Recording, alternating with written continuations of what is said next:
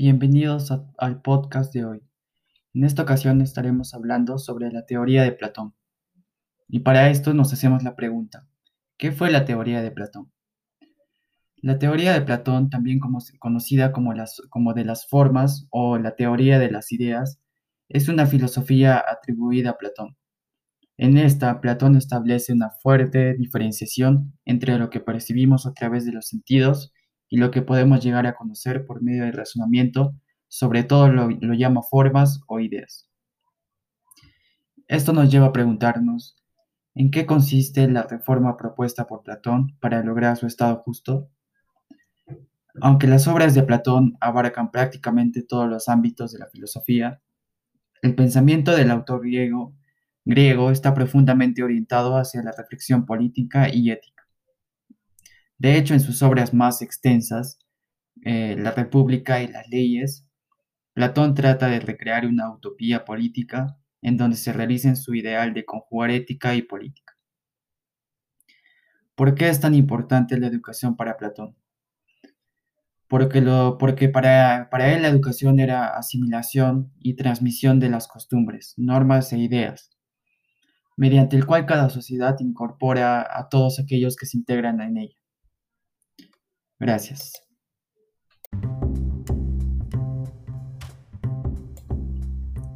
Bienvenidos a un nuevo podcast. En esta ocasión estaremos hablando sobre Sócrates.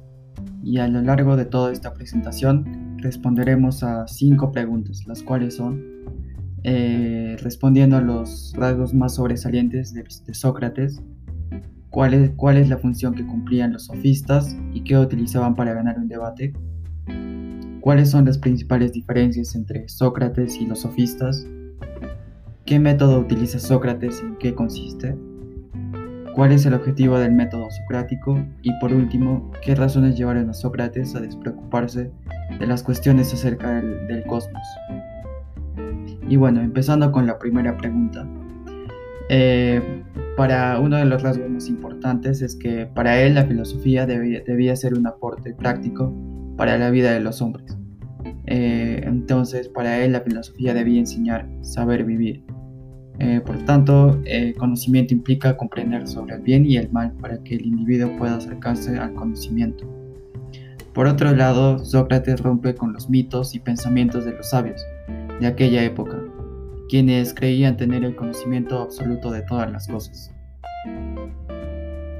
La segunda pregunta eh, la cual nos pregunta eh, cuál es la función que cumplían los sofistas y cómo ganaban un debate.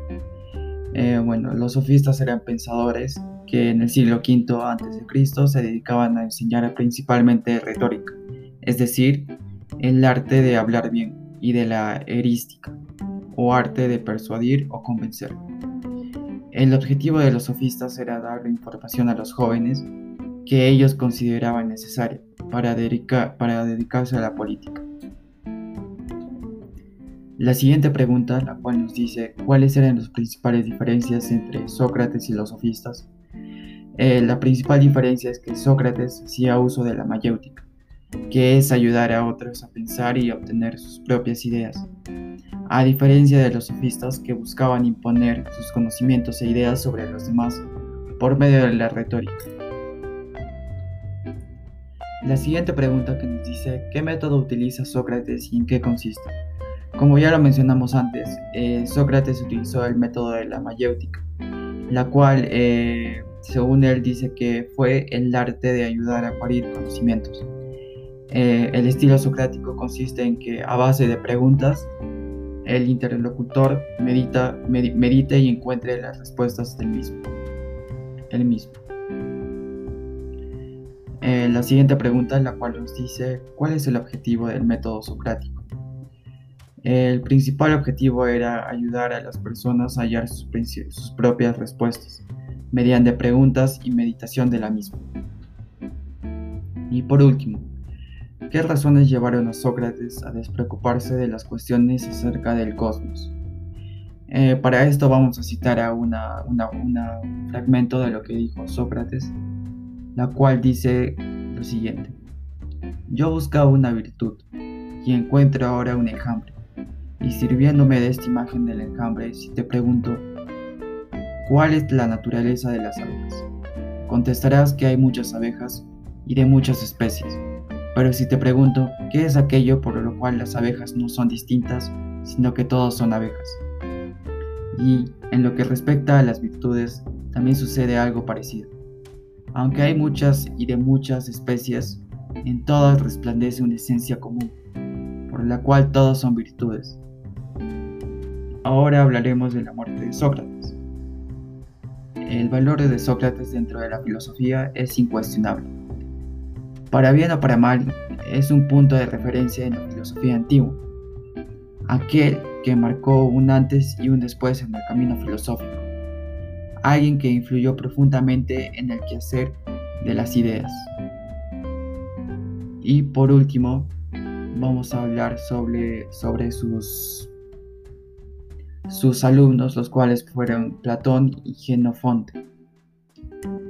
Sin embargo, eh, a pesar de su valor, de su vida, de este personaje, está envuelta entre misterio y realidad. Eso porque no legó ningún escrito que retratase su pensamiento, pues privilegiaba la discusión sobre la escritura. Por ello, la tarea de revelarnos su pensamiento recayó en manos de sus discípulos, Platón y Genofonte, los más importantes.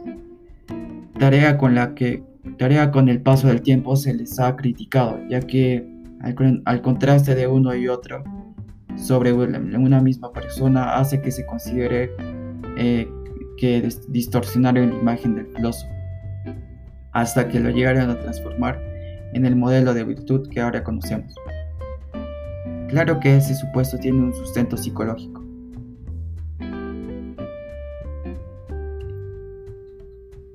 que sirve atenuante, atenuantemente. Y bueno, y, que, y es que para cada discípulo eh, las cualidades del maestro fueron valoradas de manera diferente. Por lo mismo que a la hora de describir a Sócrates resulta que aparecen diferentes características de un mismo nombre. Gracias.